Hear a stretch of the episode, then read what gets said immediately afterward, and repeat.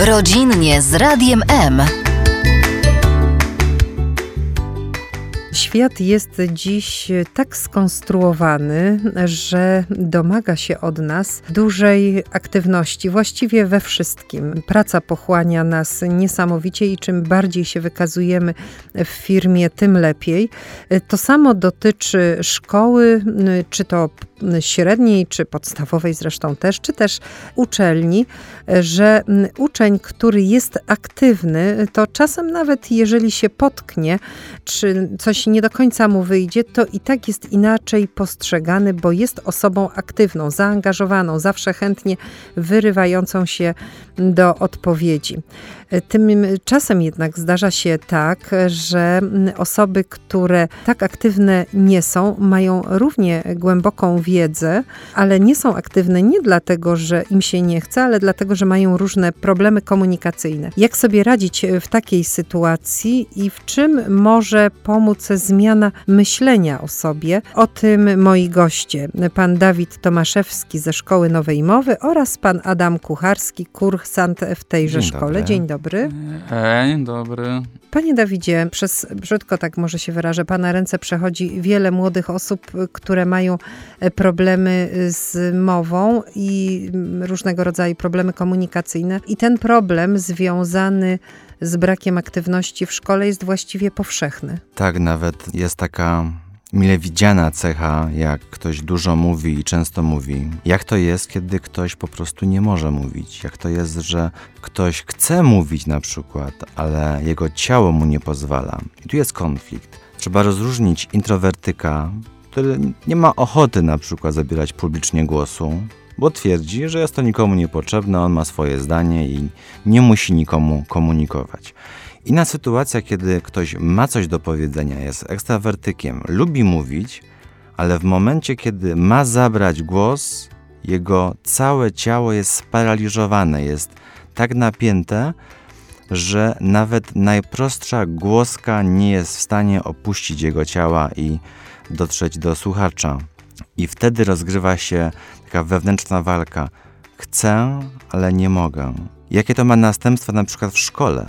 kiedy pani pyta, kiedy wykładowca na uczelni żąda aktywności, student uczył się przez wiele dni, przygotowywał i nie jest w stanie nawet skomunikować najprostszego zdania z najprostszych faktów. W tym momencie bardzo często wykorzystują sytuację właśnie inni uczniowie, inni studenci, bo przecież kto będzie czekał? Kto ma dzisiaj cierpliwość dać te dwie sekundy komuś, kto dopiero zaczyna proces wydobywania dźwięku. I dzisiaj o tym powiemy, że to, że czasem jest cisza na nasze pytanie, wcale nie oznacza, że ten ktoś, kto chce powiedzieć, nie ma wiedzy albo nie wie, co powiedzieć. Może ma emocjonalne bloki mowy. Panie Adamie, tak jest faktycznie? Pan jest młodym człowiekiem, uczącym się, tak? Tak, aktualnie studiuję medycynę. Egzaminów e, wiele, sytuacji, w których trzeba zabrać głos e,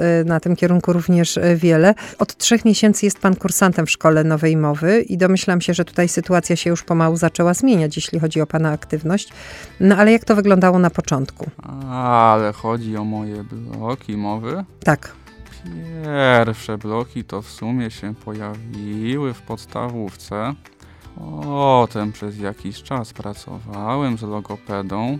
Na pewien czas to wszystko ustąpiło, ale powiedzmy, że z wiekiem ciągle wzrastają obciążenia, więc w naszym życiu pojawia się coraz więcej stresu, więc to wszystko niestety zaczęło nawracać.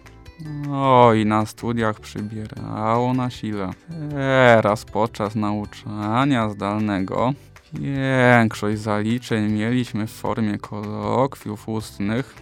Uznałem, że koniecznie coś muszę zmienić, bo doszedłem do takiego etapu w życiu, że ja się nawet nie obawiałem na tym kolokwium pytań, tylko myślałem o tym, w jaki sposób złożę wypowiedź.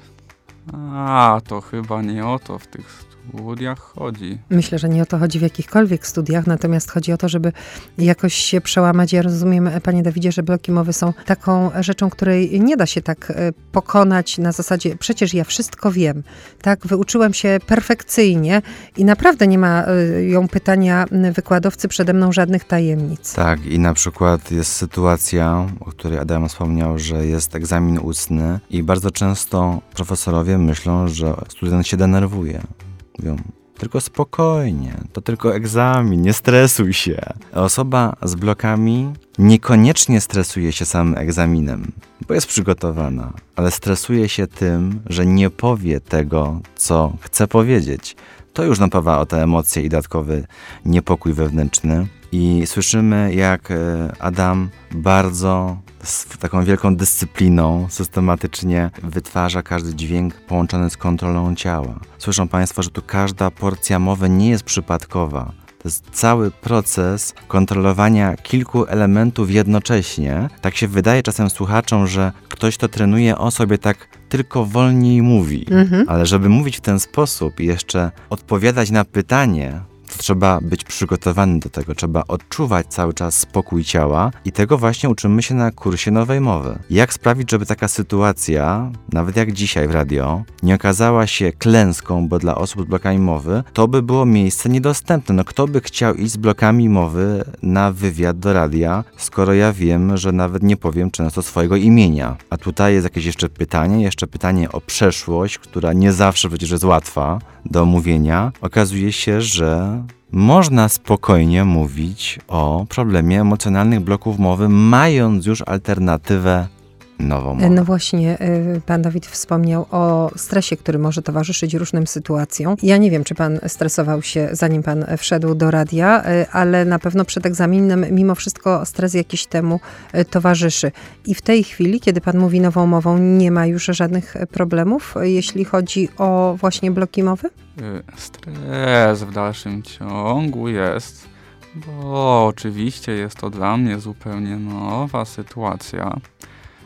Ale w tej chwili nie przekłada się to na mój sposób wypowiedzi. Zastanawiam się nad jeszcze jedną kwestią, mianowicie w jaki sposób w rodzinie możemy wesprzeć taką osobę, która ćwiczy nową mowę i jak rodzina może y, pomóc właśnie w tych, nie wiem, zestawem pytań, rozmów poszerzonych, albo czym może zaszkodzić, y, bo to też jest istotne, bo my o tych podpowiedziach często mówimy, a rzadziej o tym, czym my możemy zaszkodzić młodemu człowiekowi, który ćwiczy nową mowę. Właśnie, może kilka faktów, jeśli ktokolwiek ćwiczy mowę, bo osób ćwiczących mowę jest no, dość sporo, na przykład logopedycznie. Jak możemy wtedy pomóc? No, przede wszystkim możemy pomóc mówiąc poprawną mową w domu.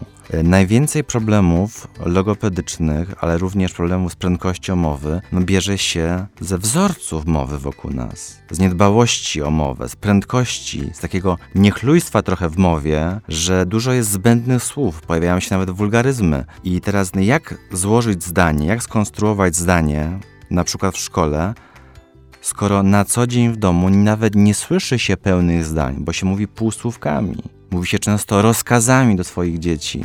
Nawet małżonkowie do siebie nie mówią w sposób komunikatywny, tylko jakimiś żądaniami wobec siebie. I teraz y, skąd dziecko ma mieć pewność, jak powiedzieć coś płynnie? No przede wszystkim dajemy te wzorce płynności.